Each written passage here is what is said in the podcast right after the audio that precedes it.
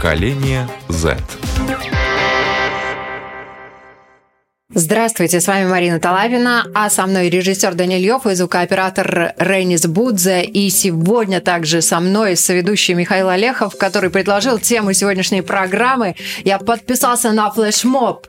И гости нашей программы у нас сегодня в гостях непосредственно в студии Анжелика Мария Зуба. Здравствуйте. Привет. А почему мы буквально через несколько секунд вам расскажем. А на связи у нас по скайпу Виктория Ткаченко. Привет, Виктория. Добрый день. И вот я вам расскажу, почему у нас сегодня девчонки в программе, а потому что они не просто участвовали во флешмобах, они их еще и организовывали. Поэтому напоминаю, тема нашей программы, кто не услышал сразу, называется «Я подписался на флешмоб».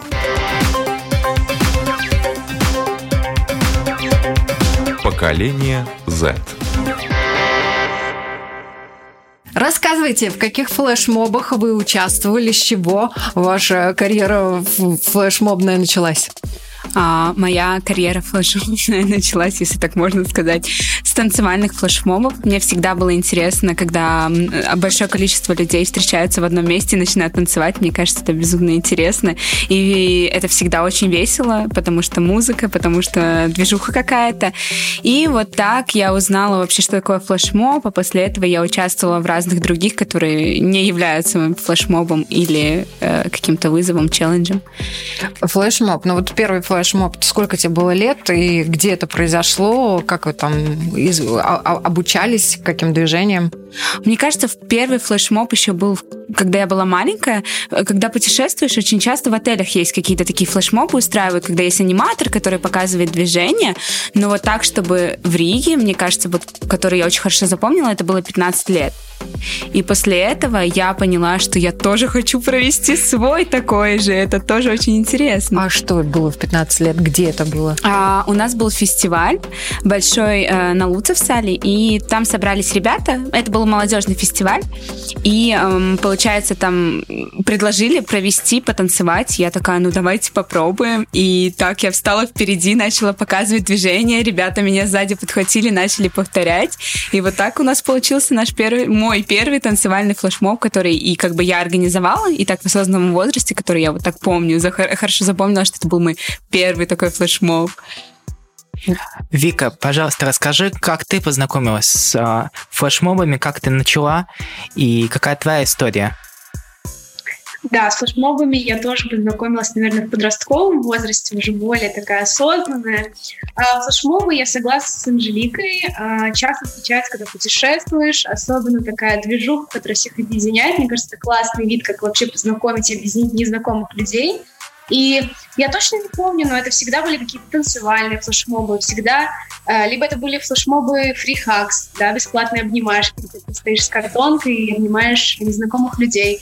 То есть это такие небольшие акции, как у нас в латышском языке акция, молниеносная акция, да, какая-то акция доброты, какая-то акция активности. Точно не помню, но они всегда были, и вот с молодежного возраста этим занималась. Расскажи, пожалуйста, как ты перешла от флешмобов, когда ты просто как была участник, к тому, что мы сейчас тебя знаем как инстаблогера, и твои инста-челленджи достаточно много людей смотрели и в них участвовали. Расскажи про этот опыт. Да, ну тут мы переходим от флешмобов к челленджам. Это немножко другая концепция. Это все-таки какое-то задание, которое все выполняют, и такой вызов, который мы бросаем э, как организаторы другим людям, который передается, э, отличие от флешмоба.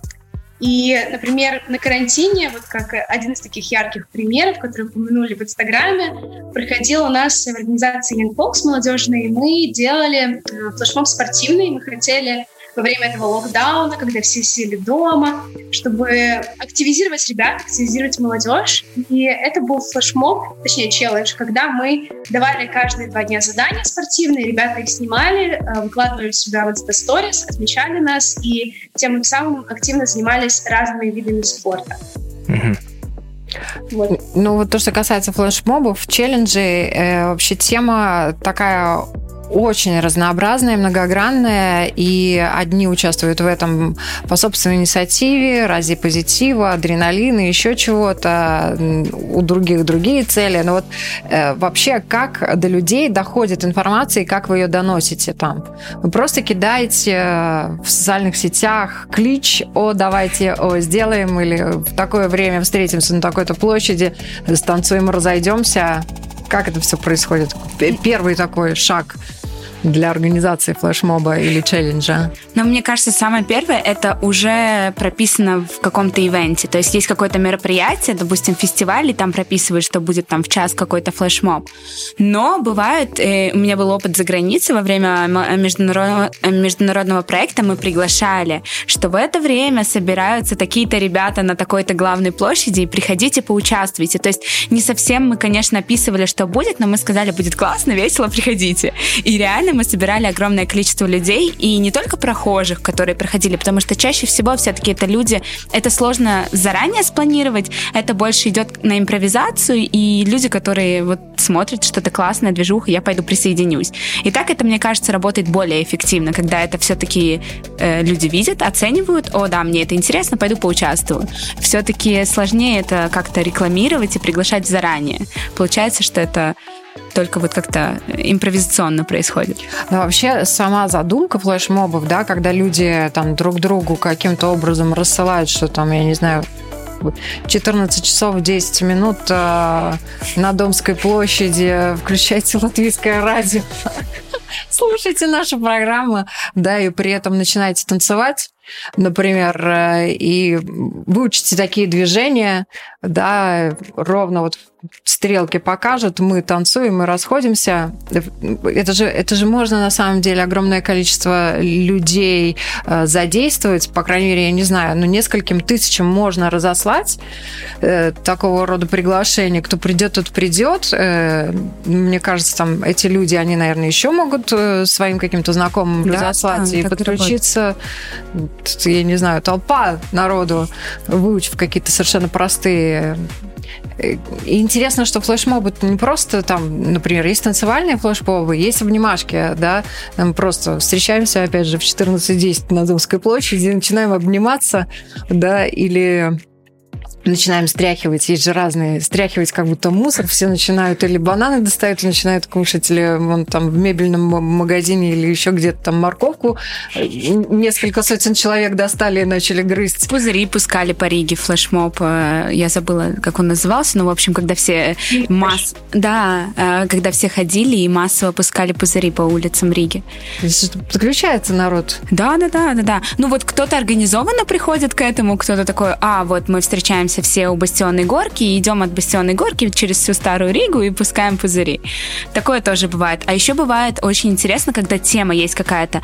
Например, э, там к дню гуманитарной помощи все собираются и выбирают там тему «Спасаем пингвинов» и флешмоб на тему «Спасаем пингвинов». И вот как это обыгрывают, тоже очень интересно. Как это обыгрывают, рассказывай. Ну, то есть в, в том, в котором я участвовала, я была, ну, не совсем организатором, я больше была как участник, и у нас было так, что вот у нас была тема э, гуманитарной гуманитарная помощь, и там ребята ходили как пингвины, а люди сзади, они их ловили. То есть пингвины-пингвины ходили, а пускали бумажные вертолетики, ну, делали самолетики эти бумажные, кто-то пускал самолетик, а кто-то ходил, и когда они видели как будто эти пингвины-самолетики, они падали, потому что это было приручено к тому, что вот такая есть проблема, что где-то пингвины, когда очень сильно э, смотрят вверх, они падают, и их сложно поднять. И вот ходят, ходили сзади люди, которые поднимали как будто этих пингвинов, ну тоже классно. Кому-то это было странно, что почему все падают резко, когда что-то взлетает в небо, а кому-то было вау, я хочу кого-то словить.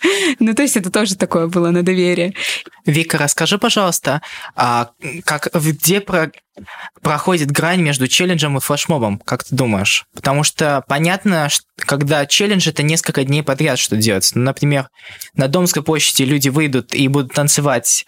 А, это ведь тоже может быть челленджем. Как понять, почему мы делим челлендж на ф... челленджи и флешмобы? Это вопрос к вам ну, обоим.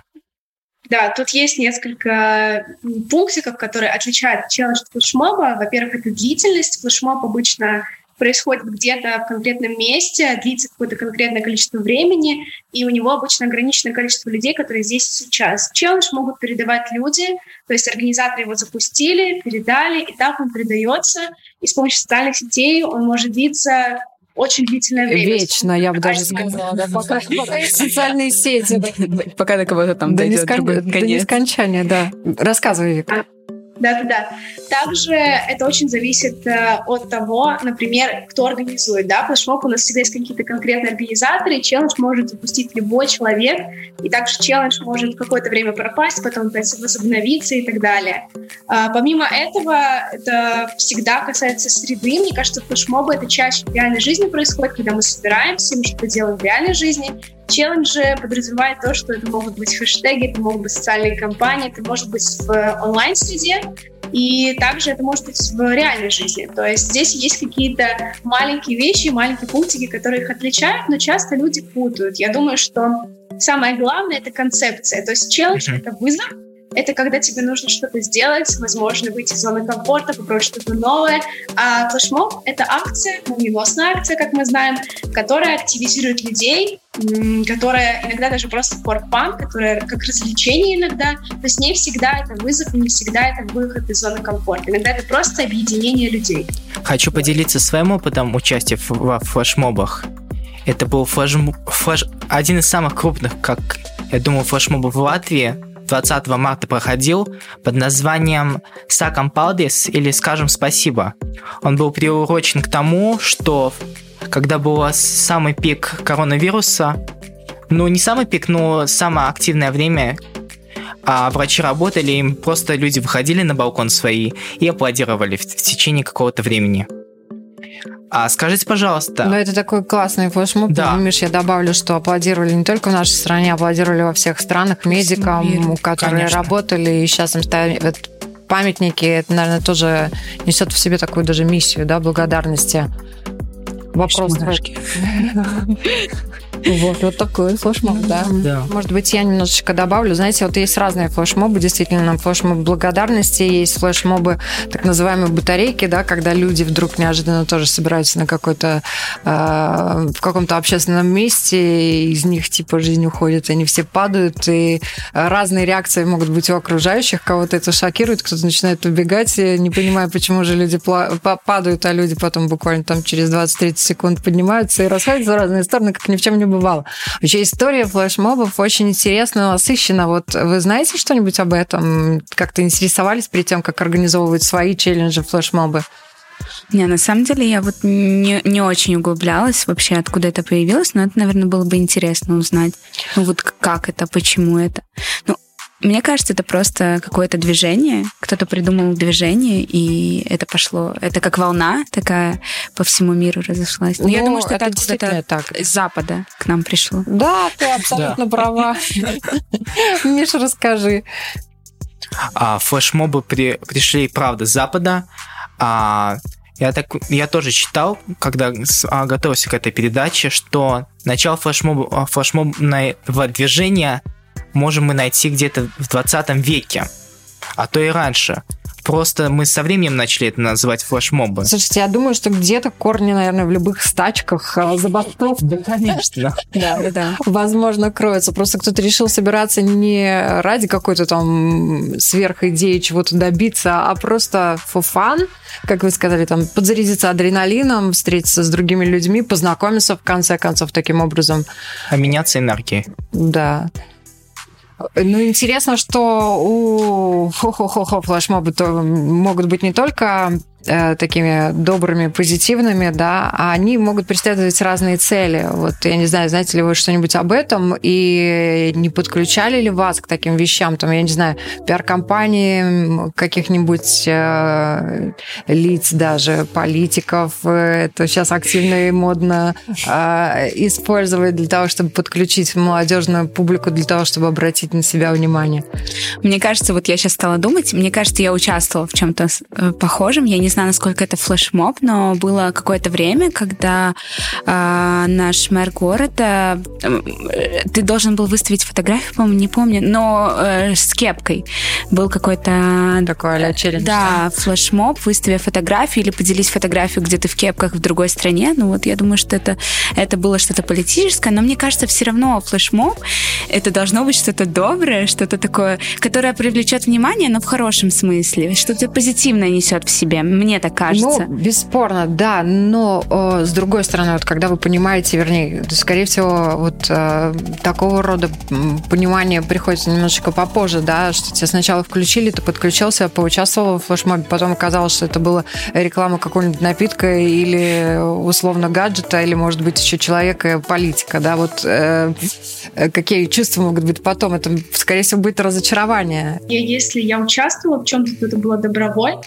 у меня из примеров тоже есть такой свежий флешмоб. Э, недавно, по-моему, это было студент Паш Парвалде, э, сообщество студентов делало флешмоб «Грибу студент». Мы выставляли фотографию с табличкой, на которой написано «Грибу студент» и почему мы хотим учиться, чтобы привлечь внимание э, Министерства образования для дополнительного финансирования студентов после карантина, потому что многие потеряли там, не знаю, э, стипендии недостаточно, чтобы продолжить обучение, многие потеряли мотивацию продолжить обучение, теперь уходят, кидают свои э, места учебы. То есть мы хотели привлечь внимание, и потом эта акция, все эти фотографии были распечатаны из интернета и принесли к Министерству образования, чтобы э, обратить внимание. Вот, поэтому такие флешмобы тоже есть. Я сама абсолютно добровольно участвовала, причем я участвовала в первый день, как только я видела саму акцию, подумала, это здорово, это нужно продолжать. Я хочу, чтобы другие мои друзья участвовали, поэтому я присоединилась сама. И на следующий день я видела, как сотни студентов присоединяются, и это было, правда, очень очень сильно. Поэтому я думаю, что флешмобы, как вы сказали, не только должны нас развлекать и быть for fun, но также обращать внимание на какие-то социальные или экономические проблемы. Но это действительно такое движение, которое уже несколько десятков лет существует, и оно и политические какие-то моменты, и даже меняет решение политиков, э, может влиять на решение политиков, да. Э, конечно, в Латвии, наверное, это не так активно еще используется, но, в принципе, народ, если хочет что-то добиться, возможно, вот именно через флешмобы легкий такой Главное, конечно, это все сделать, придумать, э, потому что все, что просто, оно гениальное. Вот простую какую-то идею для того, чтобы его воплотить, это должен какой-то мозг включиться, придумать и сработать. А вот э, какой бы вы флешмоб еще хотели устроить в своей жизни?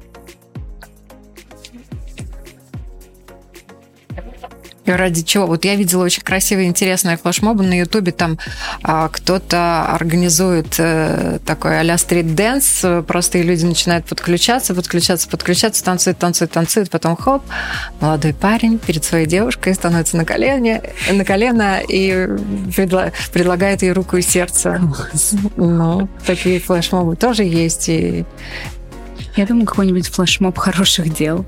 Не знаю, даже взять какую-то отдельную проблему, не знаю, актуальную, хоть про микропластик в океанах.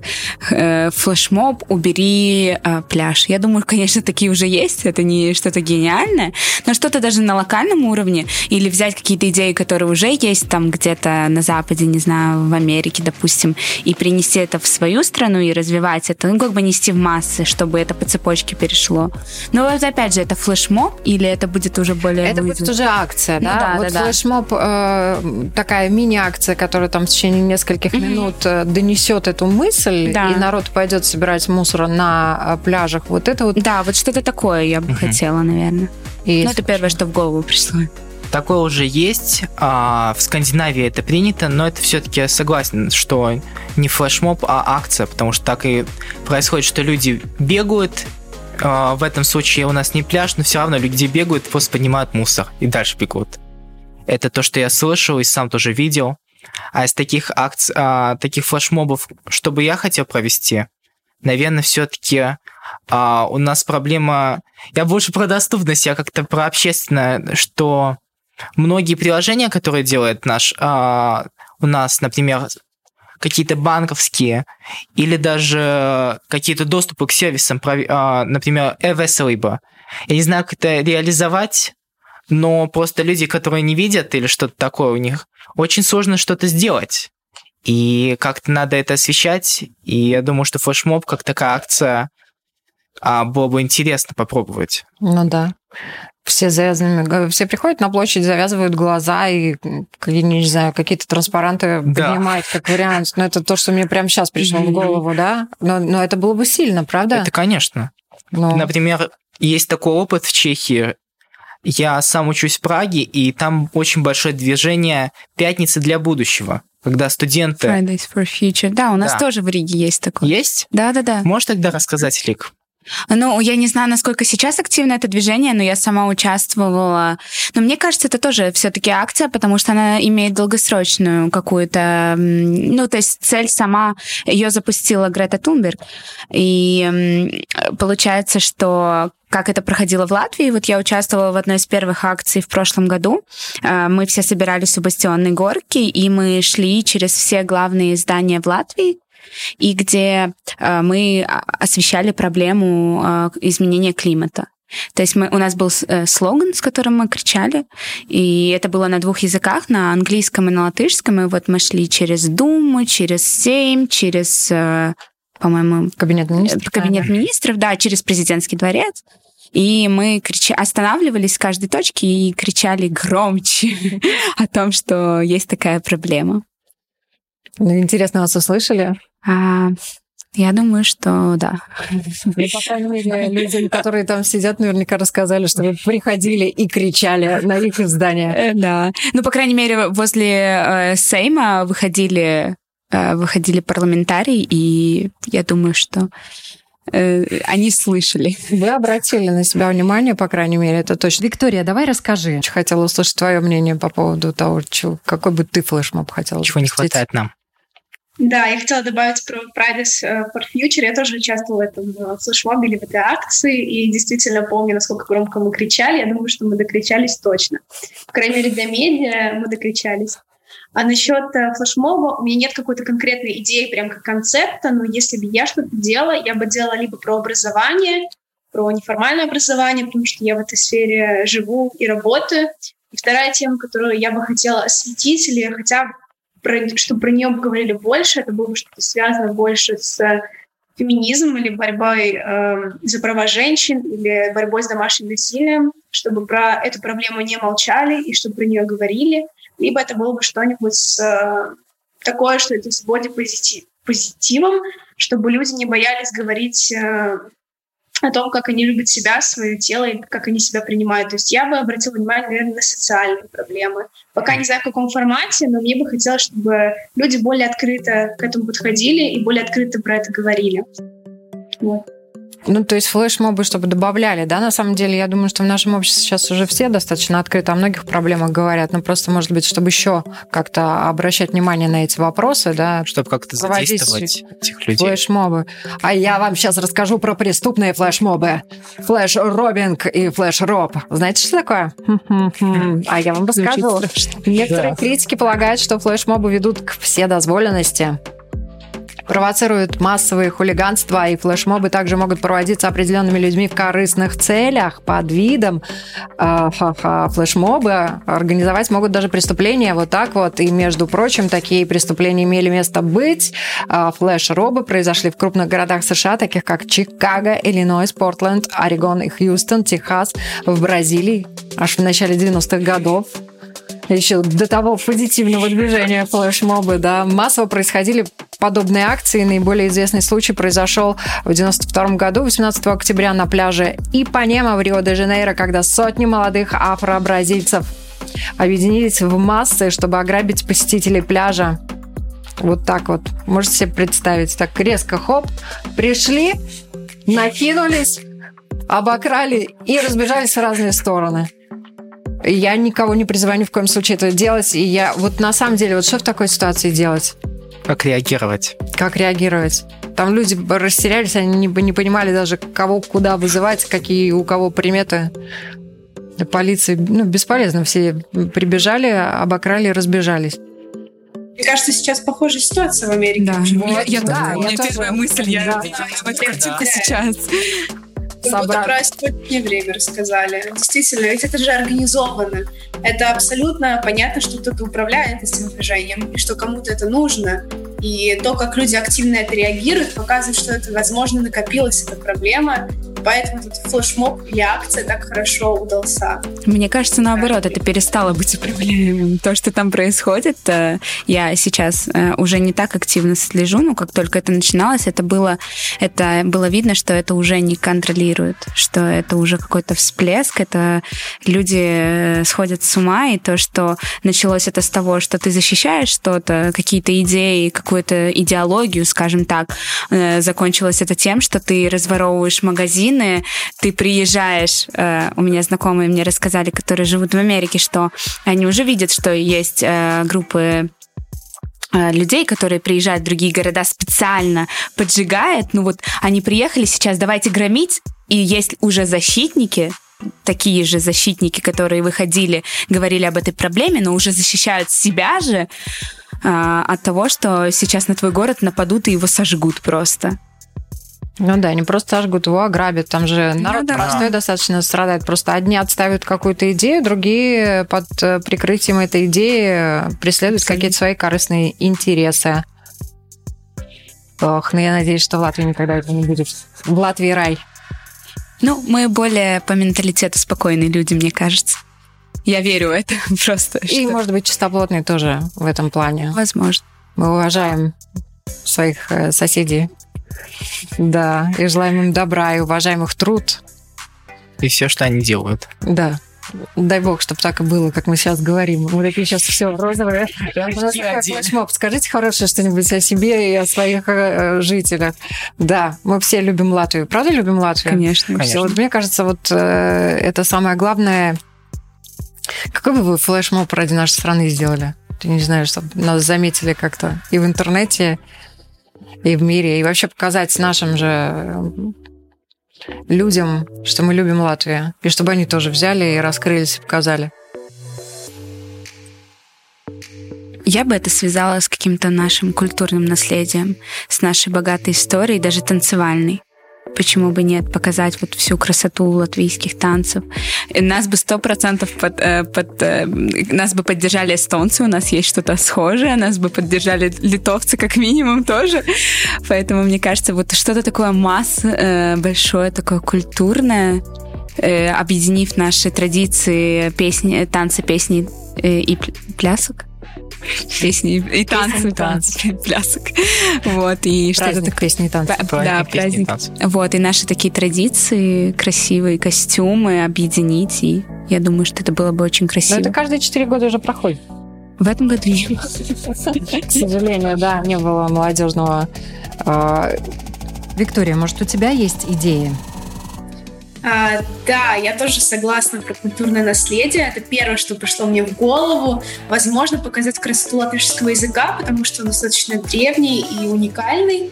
И это могли бы быть, например, разные песни или какие-то там дайны, которые люди, э, даже, может быть, виртуальный флешмоб сделать, где они там читают или поют на латышском языке. Мне кажется, это было бы очень интересно, потому что, судя по молодежному обмену, когда приезжаешь, э, люди с других стран первое, что просят, а расскажи, как ты говоришь на латышском языке, а научи меня пару фраз. А я его даже не слышала, никогда и не знаю. Мне кажется, это было бы очень интересно. И мне кажется, самый крутой флешмоб в истории уже сделали. Это Балтийский путь, когда у нас три да. страны Самый мощный флешмоб и самый крутой. Нам остается только повторять историю и переплюнуть наших предков. Скажите, пожалуйста, как вы думаете, а, можно ведь и онлайн, и физически, но в последнее время все больше и больше во время карантина появляются мероприятия, где микс что люди могут взаимодействовать и онлайн, и офлайн. Вот как можно было бы это а, сделать? Как можно было бы флешмоб таким образом представить? Но мне кажется, самое эффективное будет это делать как ты сказал, смешано, да. что люди могут участвовать, но они э, взаимодействуют все-таки в социальных сетях. Я думаю, оно получит э, больше резонанс и больше охвата аудитории. Я думаю, что как это можно сделать, это Мне кажется, это что-то такое должно быть вызов какой-нибудь или флешмоб. А, покажи на видео что-то засними. Мне кажется, это вот такое визуально красивая картинка какая-то, которая а, а, обойдет весь интернет. Facebook ленту э, появится у других ребят, это репосты. Что-то такое. Я думаю, это в 21 веке, мне кажется, самое актуальное. Флешмобы — это хэштеги нашей реальности. О, как красиво сказала, да-да-да. Марин, передаю вам слово. Ты, мне ставишь, я так даже немножечко задумалась. Тема такая глубокая на самом деле. Я вспомнила, хотела рассказать по поводу Риги. Недавно видела очень классное тоже. Ну, это, конечно, а-ля челлендж скорее, да, но вот когда предлагают э, сфотографироваться, тут уже сам город предлагал, и в слове Рига буквы И не было, ты мог стать на место этой буквы и быть буквой И. То есть каждый себя на месте э, в Риге видел. Это вообще, конечно, классно. Я я есть Рига, собственно говоря. Такие вообще классные очень э, вещи бывают, искренние, совершенно без какого-то подтекста и уж точно без каких-то корыстных интересов. И они всегда цепляют, да? Правда? Конечно. Когда Больше. у них доброе, искреннее что-то есть. Ну вот даже как э, Миша э, сказал про акцию «Спасибо», когда это по всем странам, когда это в определенное время, и даже я знаю, что в каких-то странах это было на протяжении какого-то времени, каждый день, и когда это делает не один человек, не в одном месте, не в одном районе, когда это массово, и ты слышишь, что ты не один такой, а нас много, и что как раз-таки это показывает нашу силу, мне кажется. В Италии это было больше всего распространено. Да. И там даже устраивали концерты на своих балконах. Очень много видео. А как устраивали поздравления с днем рождения вот этим детям, которые, э, к сожалению, не могли там пригласить народ? Полиция приезжала и тоже там... Да, играли. Играли, выступали, начинали плясать, танцевать. Это что Чтобы люди не выходили из дома. Да, да, да, да, да. Все-таки это нам дал а, дал коронавирус, что люди начали больше задумываться, как объединиться, не находясь как близко. порадовать друг как друга, порадовать, мне да. кажется, да? Как вот что сделать такого хорошего э, на расстоянии, да, в этих условиях, чем поделиться, что совершенно не от, от себя ничего не требует больших затрат, тебе надо просто там приехать в определенное место в определенное время и улыбнуться. Ну, или чуть больше, чем улыбнуться. Слушайте, есть, как оказалось, правила и принципы флешмобов, да, и вот есть некоторые советы организаторам э, флешмобов э, не повторять свои и чужие акции, да, ну это, наверное, самое главное, да, сделать что-нибудь новое, наверное, все хотят, да. Все действия моберов должны быть направлены на временное искажение обыденного течения жизни – как красиво тоже, да? Исказить. Все ходят, надо всем остановиться. Вот. И чтобы создать максимальный эффект противоположности обыденности, ну, для случайных зрителей, которые вдруг попали, чтобы удивить народ, который не знает о том, что здесь вот сейчас вот происходит. А для офлайна не совершать какие-либо действия для одного человека или группы лиц, никому не помогать, не поощрять, да, и никого не наказывать, естественно, за то, что он там принял участие во флешмобе, не принял участие или что-то сделал не совсем так, как планировалось. То есть пришли, сделали, разошлись. Вот. Что очень важно ну, для нормальных а, организаторов, хороших, нормальных флешмобов, не нарушать общественный порядок и э, не оставлять мусор после проведения флешмоба. Это очень важно. Да, некоторые флешмобы, наверное, на этом построены, там конфетти в воздух запустить. Ну, что-то такое яркое, я думаю. Так, э, также не создавать неудобства для зрителей во время проведения акции, придерживаться сценария флешмоба и кстати, вот одно из правил флешмоба я не знала, э, не снимать флешмобы на камеру открыто. Хм да, то есть, ну, снимать там на телефон, снимать где-то сбоку, да, там подключить народ, ну, так вот, чтобы там какой-то оператор стоял. И да, все такого это... тоже да. не было. Это потому что это это что-то такое энергичное, это что-то настоящее, и это что-то всегда импровизация, поэтому я думаю, это сложно как-то...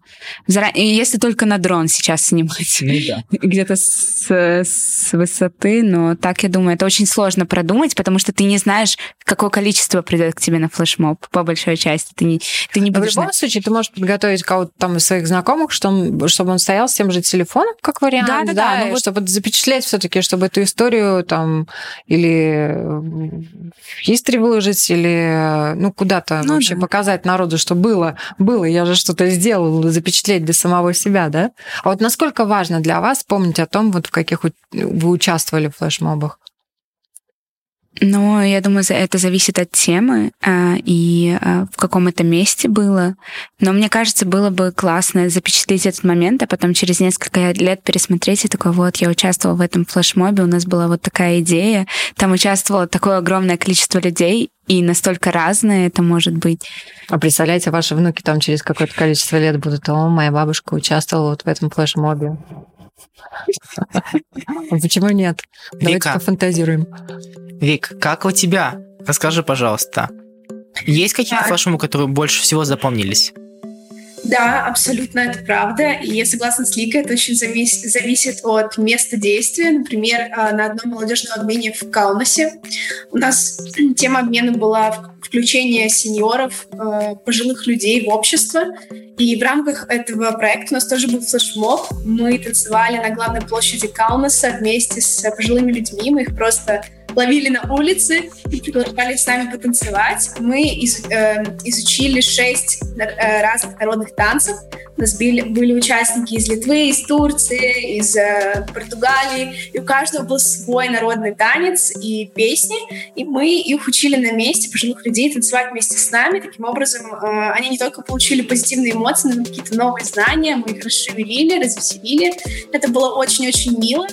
И я думаю, что это один из таких ярких флешмобов, который мне запомнился, потому что у него не только есть такая развлекательная часть, но и что-то хорошее, что мы сделали для них. И это, правда, очень-очень хорошо остается в памяти.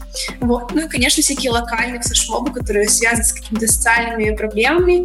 Если мы делаем какой-то вклад в общество, это, конечно, всегда очень запоминается. Ну, это, наверное, вообще очень так здорово и позитивно. Ну, тут не просто флешмоб, у вас из многих флешмобов вырастали такие акции, mm-hmm. да? Mm-hmm социальные, важные, потому что поддерживать на самом деле пожилых людей и то, как пожилые люди в обществе живут, э, это говорит о многом о состоянии о само, души этого общества. Да. да. Ну и по, по большой части я думаю, что люди, когда выходят с каким-то флешмобом, они выходят с какой-то идеей, которую они хотя, хотят, э, как бы, чтобы была услышана, и хотят ее решать. Поэтому я думаю, даже вот то, что Миша сказала про идею э, рассказать, я думаю, что многие даже не знают о такой проблеме, что вот э, люди, которые не видят, они сталкиваются с такими проблемами, поэтому это было бы интересно как-то показать, но это вот как раз интеграция, да? Да, да что да, интеграция, это что это? это? Для того, чтобы все люди узнавали о том, а, что надо другим э, группам людей и так далее. И, наверное, флешмобы тут вот действительно в мир, когда информации много, сейчас же все больше и больше набирают э, обороты, там совершенно мини 15-секундные видеоклипы их смотрят, там минутные, трехминутные уже народ уже... Уже нет пролистывает, да, да уже неинтересно. Да. Вот такие вот коротенькие вещи, они действительно могут быстрее доходить. Вопрос, кто их будет придумывать. Короче, все э, ложится на ваши молодые плечи, да. А мы будем ждать, когда вы нас интегрируете в общество. Вообще интересно, что есть и ограничения и запреты э, различные на проведение флешмобов. Да, мы поговорили о советах э, и так далее. Кстати, один из советов, э, что надо иметь при себе э, удостоверение личности, например. Ну, наверное, не во всех странах, в нашей не обязательно, но в некоторых странах надо иметь при себе удостоверение личности. Угу. Потому что к тебе могут подойти и спросить, а что ты здесь делаешь? А что это вы тут делаете, да? Вот. Э, есть ограничения и запреты на проведение флешмобов. Например, в немецком городе Брауншвейк э, запретили проведение флешмобов законом, который требует специального разрешения на использование публичного места для проведения массовых акций. И в Великобритании э, в мае 2008 были отменены несколько флешмобов из-за потенциальной угрозы здоровью Угу. Безопасность. Да, и безопасности граждан, и попытки организовать флешмоб через Facebook были предотвращены полицией после опасения за общественное здоровье и безопасность. Более 500 человек, которые подписались на флешмоб, а, потому что они должны были драться подушками. Полиция решила, что это будет небезопасно, может привести к различным э, последствиям. И также были остановлены больше тысячи э, желающих э, бросить друг друга пирогами. Потому что решили власти, что это будет опасно. Да, а инспектор Дэйв Бакс из полиции Западного Йоркшира сказал, что у нас нет проблем с людьми, которые весело проводят время. Но беспокоит то, что они перерастут во что-то гораздо худшее, и у нас а, могут быть нарушения общественного порядка. Да, а, тоже есть грань какая-то. А вот э, какие бы ограничения вы поставили? Или, может быть, правила внесли от себя? Какие флешмобы можно проводить, какие нельзя? Как именно а, проводить? Может быть, какие-то дополнительные правила? Какие? Чтобы это было мирно. Я не знаю. И сложно сказать, надо ли приглашать людей, которые будут следить за порядком и как-то следить. Это уже тогда потеряет какую-то такую уникальность немножко флешмоба, что для меня, мне кажется. Но чтобы это можно было в какой-то момент, если это выходит из рамок, контролировать. Я думаю, что это было бы хорошо, если бы это можно было как-то урегулировать, если это превращается. Но массовые акции, вот их на самом деле можно все, получил разрешение, провел, да? И флешмоб, в принципе, это и есть массовая акция, да, там больше 10 человек собирается, все, получил разрешение, провел, но одно из правил флешмоба, в принципе, никто не знает организатора, да, все это делается так практически анонимно, не всегда, по крайней мере, знают mm-hmm. организатора. Виктория, может, у тебя есть какие-то идеи, какие бы ты правила ввела? Надо ли контролировать и отбирать идеи для флешмобов? Надо ли с удостоверением проходить людям? Да. Не уверен насчет удостоверения, потому что задача флешмоба сплотить максимально много людей, незнакомых людей, и такое неофициальное событие, поэтому все на него идут, поэтому это for fun, и всем нравится. И если это будет как э, по записи к врачу, то я думаю, что это сильно уменьшит количество человек. Также я думаю, что очень стоит эм, учитывать среду, в которой проводится флешмоб. Например, раньше у нас в Риге был потрясающий флешмоб, я каждый год на него ходила, назывался «Большая обнимашка», это было лето, на Домской площади собиралась куча незнакомых людей, и все делали большую обнимашку, как э, в рекорде Гиннесса. И это было супер позитивное мероприятие, тоже с мыльными пузырями, с разными костюмами и так далее. То есть целый праздник. И я не представляю, чтобы его приводили с документами. Более этого, я думаю, что после карантина такие мероприятия будут э, более строго рассматриваться, оцениваться. Я думаю, что теперь такие мероприятия будут проходить намного реже, потому что дистанция 2 метра, безопасность, расстояние и так далее. Теперь люди будут более задумываться с э, взаимодействием с другими незнакомыми людьми. Поэтому я думаю, что будущее флешмобов за виртуальным миром, за тем, чтобы соблюдать дистанцию и да, думать о безопасности. Безопасность — это ключ, я думаю, в будущем флешмобов. Я согласен, что безопасность э, в данной ситуации уже очень влияет на то, что как будут проводиться в будущем флешмобы. Но мне так кажется, все-таки флешмобы главный смысл про то, что именно люди вживую встречаются, потому что mm-hmm. виртуально можно те же самые челленджи заснять и будет у тебя а, будет у тебя м, просто видео одно. Но это ведь ощущение, которое тебе не подарит э, виртуал. Как думаешь, Лик? Да, я согласна. Угу. Угу. Лика? Да, Вика, прости, если я тебя да, ну я коротенько отвечу. А, я согласна, что это другие ощущения, что цель флешмоба — сплотить людей в реальной жизни. Просто сейчас, я думаю, вы спрашивали как раз-таки вопрос был про то, что ввести, какие правила. Думаю, безопасность именно наше здоровье при взаимодействии с незнакомыми людьми сейчас будет на первом месте. А так, из остальных правил флешмоба я совершенно согласна с ранее упомянутым, да, абсолютно те же правила безопасности, думать о том, как люди себя чувствуют, и все лишь хорошо с ними. Да, пусть это будет что-то новое, необычное, интересное, доброе, да, и которое несет какой-то смысл. Спасибо огромное за эту беседу. Время промчалось незаметно. Я напоминаю, со мной сегодня эту программу провел Михаил Олехов, и также у нас были в гостях Анжелика Мария Зубы и Виктория Ткаченко. Всем хорошего дня!